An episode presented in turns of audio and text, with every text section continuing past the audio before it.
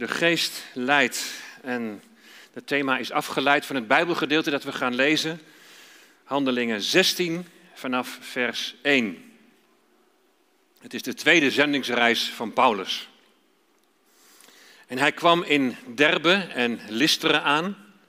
En zie, er was daar een zekere discipel van wie de naam Timotheus was. De zoon van een gelovige Joodse vrouw, maar van een Griekse vader.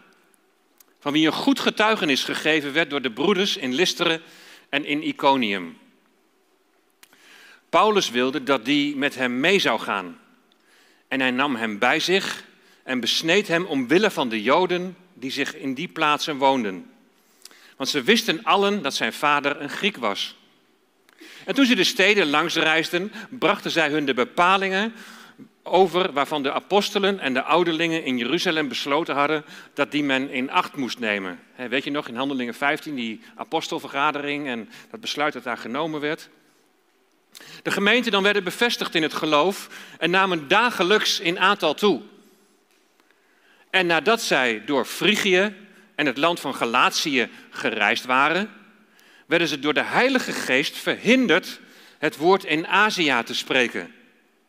En bij Mysië gekomen probeerden ze naar Bithynië te reizen, maar de Geest liet het hun niet toe. En nadat zij Mysië voorbij gereisd waren, kwamen ze in Troas. En Paulus kreeg s'nachts een visioen te zien. Er stond een Macedonische man die hem dringend vroeg kom over naar Macedonië en help ons. Toen hij nu dit visioen gezien had, probeerden wij meteen naar Macedonië te reizen, omdat wij eruit opmaakten dat de Heer ons geroepen had aan hen het evangelie te verkondigen. En wij voeren dan van Troas weg en koersten recht op Samothrace aan en de volgende dag op Neapolis.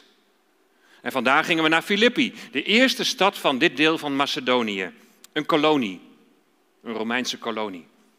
En wij verbleven een aantal dagen in die stad. En op de dag van de Sabbat gingen wij de stad uit, de rivier langs, waar het gebed gewoonlijk plaatsvond. En nadat we daar waren gaan zitten, spraken wij tot de vrouwen die er samengekomen waren. En een zekere vrouw, van wie de naam Lydia was, een purperverkoopster uit de stad Thyatira, die God diende, luisterde naar ons.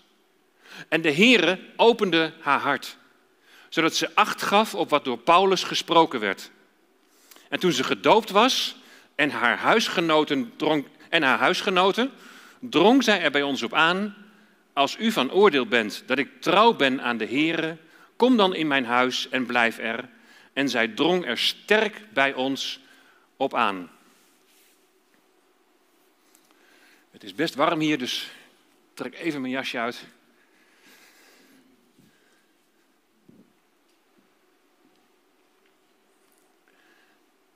Is het nou leiding van de Heilige Geest? Of zijn het gewoon de omstandigheden? Of is iets gewoon een keuze van jezelf, omdat het zo voor de hand ligt om die keuze te maken? Herkenbaar, denk ik. Die vragen. De geest leidt, maar, maar hoe dan? En wanneer weet je dat het de geest is die leidt? Nou, je krijgt vanmorgen niet een kant-en-klaar antwoord, maar ik hoop dat het gelezen Bijbelgedeelte en de overdenking daarvan, dat het je wel richting mag geven. laten we eerst maar gewoon eens even kijken hoe de Heere God ons geschapen heeft met het vermogen om zelf keuzes te maken. En wij mensen zitten wonderlijk in elkaar. Lichaamsdelen, organen, weefsels, spieren, alles heeft zo zijn functie en alles is met, met elkaar verweven. De menselijke hersenen die zijn een complex orgaan. Een extreem complex orgaan. Ze zijn opgebouwd uit vele tientallen miljarden zenuwcellen of neuronen. En waarvan elk weer in verbinding staat met een groot aantal zenuwcellen, soms vele duizenden. En de hersenen die besturen en die coördineren onze zintuigen. Zien, horen, proeven, ruiken, voelen. En de hersenen besturen en coördineren onze bewegingen, zowel bewust als onbewust. Komt van de hersenen. De hersenen besturen en coördineren ook lichaamsfuncties, zoals de ademhaling, de regulering van de bloeddruk, de lichaamstemperatuur. De hersenen zijn ook bron van kennis, van logisch denken, verbeelding, creativiteit, geheugen. De zogenaamde frontale cortex, die staat in voor de hogere vaardigheden, zoals emoties controleren, vooruitziendheid, plannen, structureren, motiveren. Ik heb bij het LOE even zo'n cursus uh, dokter uh, gevolgd, merkt u wel. Weet je, je bent als mens zo gemaakt dat je logisch kunt denken. En je kunt plannen, je kunt structureren, je kunt vooruitzien. En je bent voortdurend in staat om te kiezen. Soms kies je puur op basis van je wil. Je kunt ook een keuze maken op basis van je verstand. Kan de een wat beter dan de ander. Je kunt een keuze maken op basis van je gevoel. Maar wanneer is iets nu je eigen keuze? En wanneer is nou iets leiding van de Heilige Geest? Of is dat toch min of meer wat met elkaar verweven? Nou, met name sinds de industriële revolutie, die zo rond 1750 begon, heeft de mens zich zo ver ontwikkeld dat hij denkt God niet meer nodig te hebben. Dat geldt zeker voor ongelovigen. En we zien steeds meer in onze samenleving dat de mens zichzelf als God ziet. Het ik zit hoog op de troon. De mens die neemt zelf het heft in handen. Bijvoorbeeld als het gaat over leven en dood. Laten we een nieuw leven in de moederschoot geboren worden of niet? De mens wil zelf bepalen wanneer het leven voltooid is. En de schepper van het leven wordt daarmee buitenspel gezet. Maar hoe zit het met de gelovigen? Hoe zit het met jou en mij? In hoeverre blijkt nou uit jouw leven dat je Godgericht bent? Op Hem afgestemd bent? Want je kunt zomaar vervallen in mensgerichtheid. Je bepaalt zelf de koers en vervolgens dan span je God voor je karretje. Wij bedenken wat God moet doen. Wij kunnen immers plannen maken, we kunnen organiseren. We kunnen vooruitzien. En vervolgens dan vragen we zijn zegen erover. En als het niet gebeurt, dan zijn we teleurgesteld. Nou, dat kan ook een oprecht spanningsveld zijn. Je wilt je laten leiden door de Heilige Geest. En tegelijkertijd is het vermogen om te kiezen op basis van kennis, van je verstand, dat is door God in jou gelegd. Hoe komt dat nou bij elkaar? Laten we eens kijken naar wat er gebeurt op het moment dat je tot geloof komt. En de Bijbel die leert ons dat je op dat moment de Heilige Geest ontvangt. Die Heilige Geest die in bepaalde handschriften in vers 7 ook wel de Geest van Jezus wordt genoemd. En die Geest, de Heilige Geest, de Geest van God, die komt in je wonen. Is best moeilijk voor te stellen, toch? Als je tot geloof komt, dan gebeurt volgens de Bijbel gebeurt, het volgende.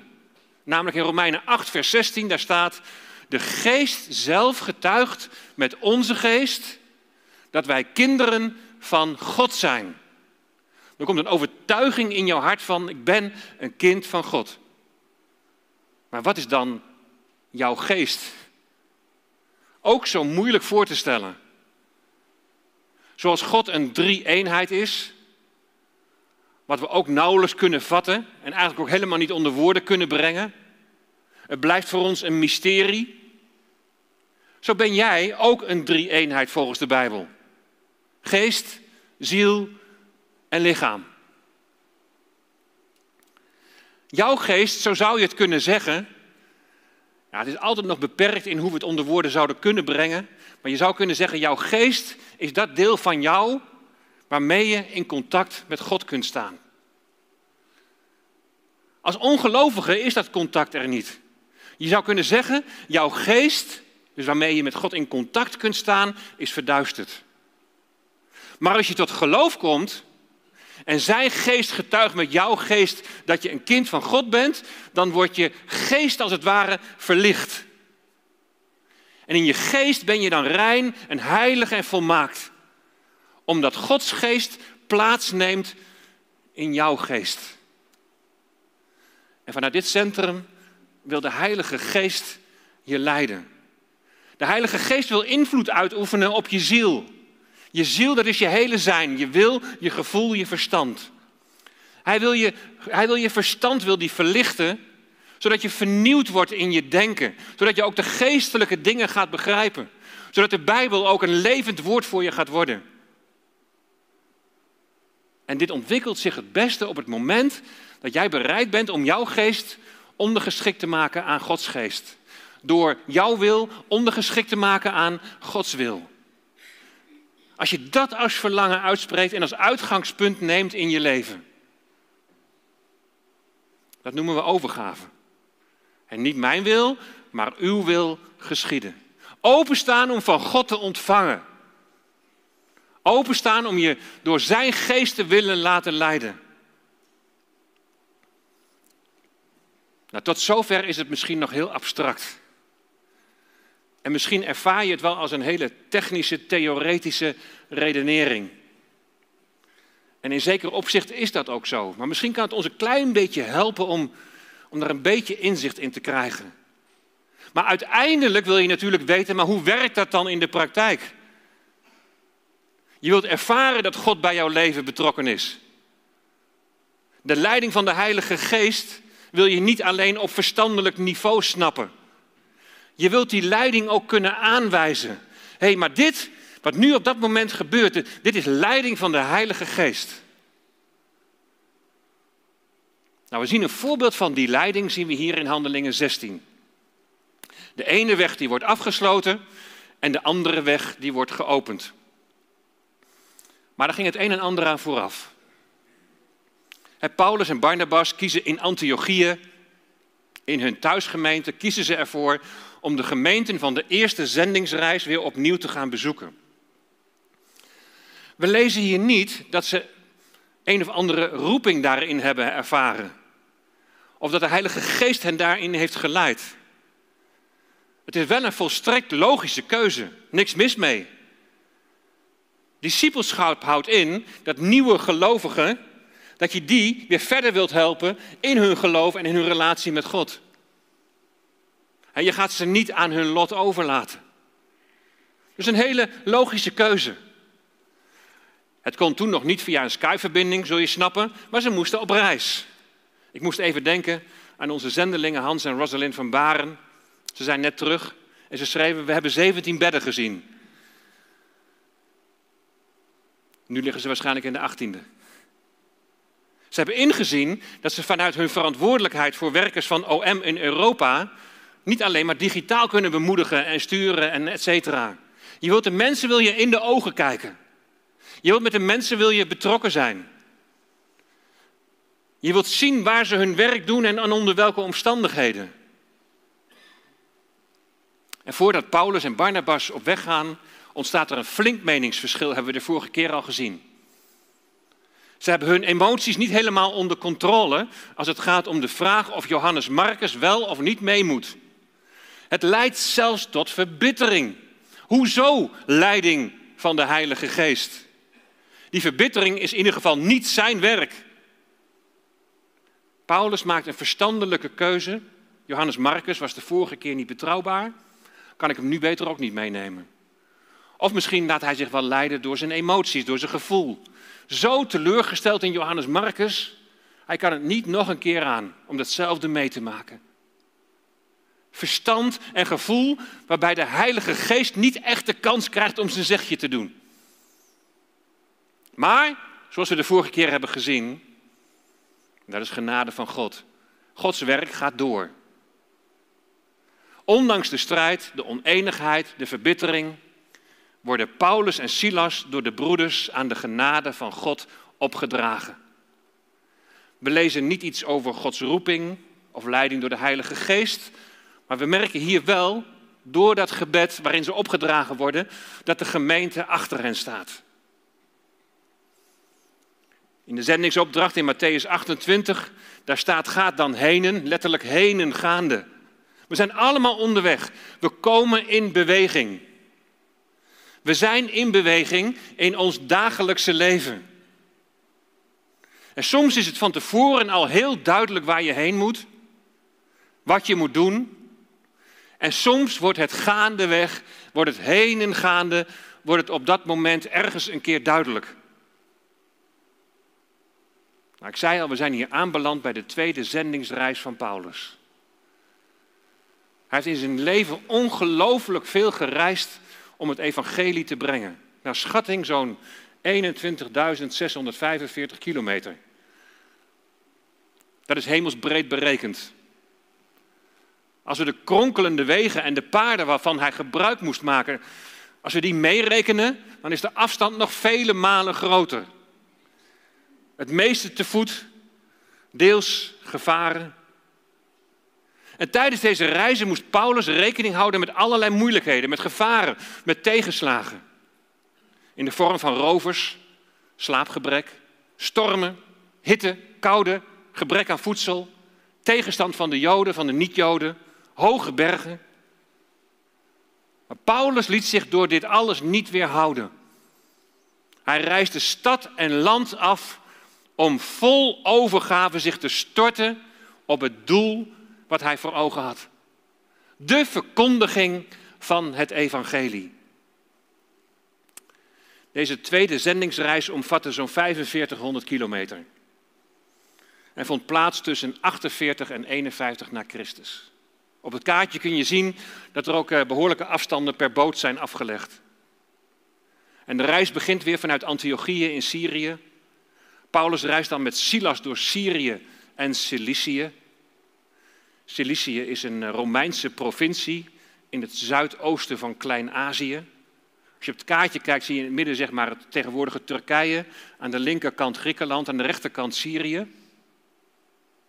Cilicië in het zuidoosten van Klein-Azië, in het westen en noorden begrensd door het Taurusgebergte, in het oosten door het Amanusgebergte. Ik wil jullie maar even een plaatje schetsen van waar hij doorheen ging. In het zuiden de Middellandse Zee. Het westen was bergland, het oosten een laagvlakte met een rijke plantengroei. Ik krijg weer een beetje het beeld voor ogen van, van het filmpje van vorige week van die OM-medewerkers die door de Himalaya gingen om mensen te bereiken met het evangelie. Over de Taurus voert de weg door de beroemde Porta Silice, een zeer woeste rotspas. Die Taurus die kon vanwege de sneeuw niet voor juni worden overgetrokken. En dan komen ze in Lycaonië, bij zoals we in vers 1 en 2 hebben gelezen, de steden Derbe, Lystre en Iconium. En de Lycaoniërs in de dagen van Paulus waren een bijgelovig en een weinig ontwikkeld volk. Ze hadden een veracht Anatolisch bergdialect. Als je zo ziet hè, hoe er moest worden gereisd en onder, onder welke omstandigheden, dan is het in ieder geval niet zomaar dat je op reis gaat omdat je dit wel leuk lijkt om te doen. Het is niet zomaar een plezierreisje. Daar zit een duidelijke roeping achter. Misschien nog niet heel duidelijk bij vertrek vanuit Antiochië, maar Paulus had zijn, bij, bij zijn bekering al een hele duidelijke roeping gehad. Hij, een uitverkoren werktuig voor God, die ook van tevoren al was meegedeeld dat hij veel zou lijden. En die roeping die drijft hem voort, zonder nu nog precies te weten waar hij uitkomt. Nou, nu hoeven wij dat niet allemaal op die manier te doen. Maar is er nog iets van dat vuur in je? Iets van dat verlangen in je om mensen bekend te maken met de Heer Jezus? Ja, maar dit is moeilijk en dat is lastig en mensen zitten er niet op te wachten. Natuurlijk. Op de eerste zendingsreis werd Paulus in Listeren gestenigd. Je zou denken, die tweede keer, nou die stad die sla ik maar eventjes over. Maar niks ervan. Het weerhoudt Paulus niet om daar toch weer heen te gaan en om daar te zien van hoe gaat het met de jonggelovigen. In Listeren ontmoet Paulus Timotheus van wie een goed getuigenis wordt gegeven. Hij staat daar positief bekend. In Timotheus ziet Paulus een uitstekende medewerker. En hij wil hem dan ook meenemen op zijn verdere reis. Maar voordat ze op reis gaan, moet Timotheus eerst besneden worden omwille van de Joden. We lezen hier nergens dat God aan Paulus duidelijk maakt dat hij Timotheus mee moet nemen. We lezen nergens dat, God, dat het Gods wil is dat Paulus Timotheus moet laten besnijden. Maar het lijken mij zo op het eerste oog hele logische en ook hele verstandige keuzes. Alles is erop gericht om mensen te bereiken met het evangelie. En het is dan belangrijk dat je met mensen samenwerkt die goed bekend staan. Anders kun je je eigen geloofwaardigheid ondermijnen.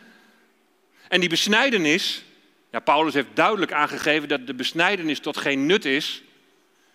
Als mensen besnijdenis gaan koppelen aan behoudenis, dan wordt hij woedend. Lees de Galatenbrief maar na. Toch besnijdt hij Timotheus. Dit heeft te maken met het feit dat Paulus de gewoonte heeft om overal waar hij komt eerst naar de Joodse synagoge te gaan. Als Timotheus onbesneden zou zijn, dan zou dit de deur direct sluiten naar de Joodse gemeenschap. Hier komt het principe van Paulus aan het licht met de Joden een Jood te zijn. Om hen te winnen, omwille van de Joden. Want als zoon van een Joodse moeder hoor je in hun ogen besneden te zijn. Nou, wat kun je tot hiertoe leren nou van deze geschiedenis? Alles. Paulus' hele leven wordt ondergeschikt gemaakt aan het bereiken van mensen met het evangelie van Jezus Christus. Herken je daar iets van bij jezelf? De Heer Jezus Christus, Hij is het verschil tussen leven en dood. Hij is het verschil tussen behouden worden en verloren gaan. Ten tweede, het is belangrijk dat je goed bekend staat bij je omgeving. Hoe kijken mensen naar je als collega, als buurman, als buurvrouw, als klasgenoot? Ben je betrouwbaar? Ben je vriendelijk? Ben je behulpzaam? Is jouw boodschap is die in overeenstemming met jouw leven? En ten derde, hoe ver ga je in het Jood met de Jood en Griek met de Griek zijn? He, je aanpassen om aansluiting te vinden. En natuurlijk moet dat wel op een hele natuurlijke manier. Je moet wel dicht bij jezelf blijven en niet een rol gaan spelen of zo. Maar in hoeverre ben je bereid om daarin stappen te doen, zonder dat je daarbij ook wereldgelijkvormig wordt? Ook al lezen we tot hiertoe nog niet over de leiding van de Heilige Geest, die zal er ongetwijfeld zijn geweest. De Geest woont immers in Paulus en Silas. De Geest leidt je, terwijl je misschien zelf je er helemaal niet van bewust bent op dat moment. Als ze verder gaan reizen, dan komt de leiding van de geest ter sprake. In het eerste geval verhindert de geest de prediking. Er staat in vers 6, en nadat zij door Frigië en het land van Galatië gereisd waren, werden zij door de Heilige Geest verhinderd, door de Heilige Geest verhinderd, in Azië te spreken. Nou, je kunt er niet uit opmaken van hoe het spreken van het woord nou wordt verhinderd. Verstaan ze zijn stem door een innerlijke overtuiging? Of leiden ze uit de omstandigheden af dat het Gods tijd nog niet was om in Azië te spreken? Bij Azië moest ik even denken aan Gert Mayo. Het kunnen ook de omstandigheden zijn. De omstandigheden van dat moment. Een wereldwijde pandemie die de weg afsluit. We weten het niet precies. Het is in ieder geval wel duidelijk, hoe het ook zij, dat Paulus en de zijnen een fijngevoeligheid hebben om in het verstaan van Gods leiding in hun bediening. In het tweede geval laat de geest niet toe dat ze door een bepaald gebied reizen. En bij Missia aangekomen probeerden zij naar Bithynië te reizen. Maar de geest liet het hun niet toe. In Mysië aangekomen proberen ze oostwaarts de richting van Bithynië te reizen, dat zich uitstrekt tot aan de Zwarte Zee. Maar voor de tweede maal stuiten ze op weerstand. De Heilige Geest stond het hun niet toe. De deur gaat dicht. Later blijkt dat er wel missionaire activiteiten zijn geweest in die omgeving. Want in 1 Petrus 1 staat waar Petrus spreekt van gelovigen in Bithynië. Zo'n 50 jaar later schrijft ook de Romeinse stadhouder van Bithynië dat er in zijn district een groot aantal christenen zijn. Waarom werd voor Paulus en Silas dan op dat moment de deur gesloten? Je zou toch denken, het is toch altijd goed om het evangelie te brengen? Of heeft Europa nu eerst voorrang? Richting Bithynië en Azië gaat in ieder geval de deur dicht. En misschien ken je dat wel. Je dacht op het goede spoor te zitten. Je hebt echt het idee dat je daar naartoe moet. Of je hebt echt het idee dat je dat moet doen. En dan ineens, deur dicht. Dat kan je best onzeker maken. Je begrijpt het niet. Er was een bepaald verlangen in je. Er zijn nog zoveel mensen die de Heer niet kennen. En dan dit. Zijn het dan de omstandigheden? Of heeft de Heilige Geest iets anders in petto? Ik moest denken aan Pascal en Martine. Door corona moesten ze terug naar Nederland, vanuit Rusland. Toen ze weer terugkeerden, bleven ze steken in Turkije. De deur naar Rusland bleef dicht. En intussen ging een andere deur open, naar Moldavië. Zijn het dan de omstandigheden? Of is het de Heilige Geest die een, die een nieuwe richting wijst? Soms weet je het vooraf heel duidelijk en soms pas gaandeweg. Voor Paulus en Silas wordt het op een gegeven moment heel duidelijk. Ze komen in Troas. En daar krijgt Paulus een visioen. God spreekt door dromen en visioenen. Het kan hier zomaar een nachtelijke droom zijn geweest bij Paulus. Nou, dromen kennen we denk ik allemaal wel. Maar God weet hier, of Paulus die weet hier direct dat het niet zomaar een droom of niet zomaar een visioen is, maar dat de Heere God het is die tot hem spreekt en die hem iets duidelijk wil maken. Hij twijfelt dan ook geen moment. Hij weet het zeker. En we zien ook dat de anderen daar direct van overtuigd zijn, want ze zeggen: Wij gingen direct op dat moment richting Macedonië. Een Macedonië die hem dringend vroeg: Kom over naar Macedonië en help ons. Zij maakten eruit op dat de Heer hen riep om in Macedonië het evangelie te verkondigen. En dan gaan ze. Ze varen dan van Troas weg en koersen recht op Samothrace aan. Je kunt zien dat is een eiland. En de volgende dag Neapolis. En vandaar gingen ze naar Filippi, de eerste stad van dit deel van Macedonië, een kolonie. En ze verblijven een aantal dagen in die stad. Het is de geest die leidt. Wij hebben dat regelmatig in ons leven mogen meemaken en hebben er ook wel vaker van getuigd hier in de gemeente. En bij ons werkte dat niet zozeer door visioenen of dromen, maar het gebeurde wel regelmatig dat God tot ons sprak door zijn woord. En daarom is het ook belangrijk om dit woord te lezen, om daaruit te leren, maar ook God tot je te laten spreken. Op het moment dat je het woord leest, is het God die spreekt. En dan kan er zomaar op een gegeven moment een tekst zijn, en misschien is het dan wel helemaal uit de context, maar dat je weet, dit bevestigt de Heer aan mijn hart. Dit is wat ik op dit moment moet doen. En de vraag is dan, handel je dan ook daarnaar? Luister je daarna dan naar de stem van de geest? Ken je zulke voorbeelden in je eigen leven? De eerste vraag die ik zou willen stellen is: ben je je er überhaupt van bewust dat de geest jou wil leiden? Leef je op die manier ook in die verwachting? En de tweede vraag is: strek je je daarnaar uit? Is dat ook echt je verlangen? Dat de Heilige Geest jou zal leiden in je leven? En tenslotte de derde vraag. Als de Geest iets duidelijk maakt, handel je er dan ook naar? Ik bid iedere dag en iedere morgen vraag ik om de leiding van de Heilige Geest. Zeg, Heer, leid ons, bescherm ons, bewaar ons. Maar leid ons ook deze dag in de ontmoetingen die we zullen hebben. In de dingen die we mogen doen. En hier bij Paulus en Silas zien we de vrucht van het luisteren naar Gods stem. God heeft al iets voorbewerkt. Als Paulus en Silas een zekere Lydia aanspreken, dan opent de Heer, de Heer haar hart. Weet je nog dat de Heer Jezus door Samaria moest gaan?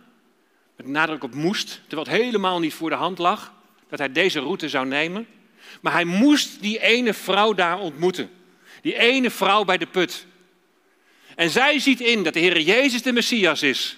En ze gaat het vervolgens in haar omgeving bekendmaken en velen komen tot geloof. De geest die leidt naar die eenling. Mooi is dat. Bijzonder. Paulus en Silas worden door de geest geleid naar Macedonië. En het begint allemaal bij deze ene vrouw, Lydia. De Heer opent haar hart. En Lydia, die laat zich dopen. Deze vrouw die laat als eerste in Macedonië zien dat Christus heerschappij heeft over haar leven. De oude mens gekruisigd. In Christus nieuw leven ontvangen. Dat laat zij in de doop zien. En dan een leven dat zich uitstrekt naar leiding door de Heilige Geest. Bid en vraag er iedere dag om. Lees iedere dag zijn woord en, en wees opmerkzaam op zijn aanwijzingen. Denk niet te gauw van, ah, dit is toeval. daar heeft God geen hand in. Hij woont door zijn geest in je. Wees je daarvan bewust. Laat je door de Heilige Geest leiden tot eer van Hem. We leven in een rare tijd. Hoe als gemeente nu verder? Laten we ons leiden door de Heilige Geest. De Heilige Geest, ik ben ervan overtuigd, die gaat ons daar aanwijzingen in geven. In visie 41 van de EO, daar staat een oproep. Dit nummer staat in het teken van het thema De Kerk van Morgen. En naar visie.eo.nl uh, kun je antwoord geven op de volgende vraag. Hoe ziet u, hoe ziet volgens u de ideale kerk van de toekomst eruit? Nou, ik zou één woordje willen veranderen: toekomst. Hoe ziet de ideale kerk van nu eruit? De ideale kerk is voor mij een gemeenschap van gelovigen die zich ervan bewust zijn dat ze verloste zondaren zijn, dat ze zijn vrijgekocht door het bloed van de Heer Jezus en in Christus een nieuwe schepping zijn geworden. Gelovigen die beleiden en ernaar leven dat Christus het hoofd is, het hoofd van zijn gemeente. De ideale kerk is voor mij een groep gelovigen die toegewijde discipelen van de Heer Jezus willen zijn. Die van Hem willen leren. Die willen groeien in intimiteit met Hem.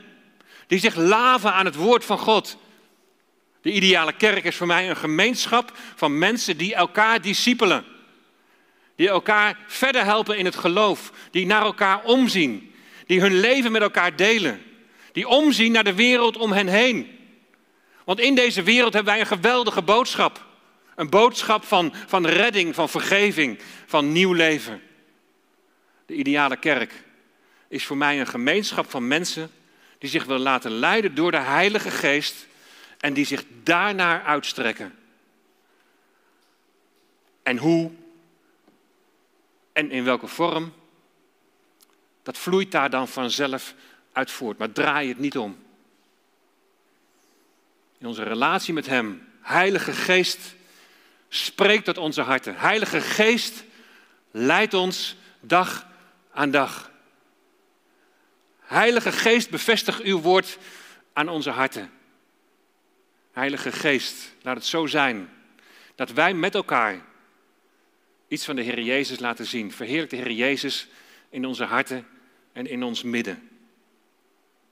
We gaan samen zingen. Onder andere zingen we daarbij ter voorbereiding op het avondmaal.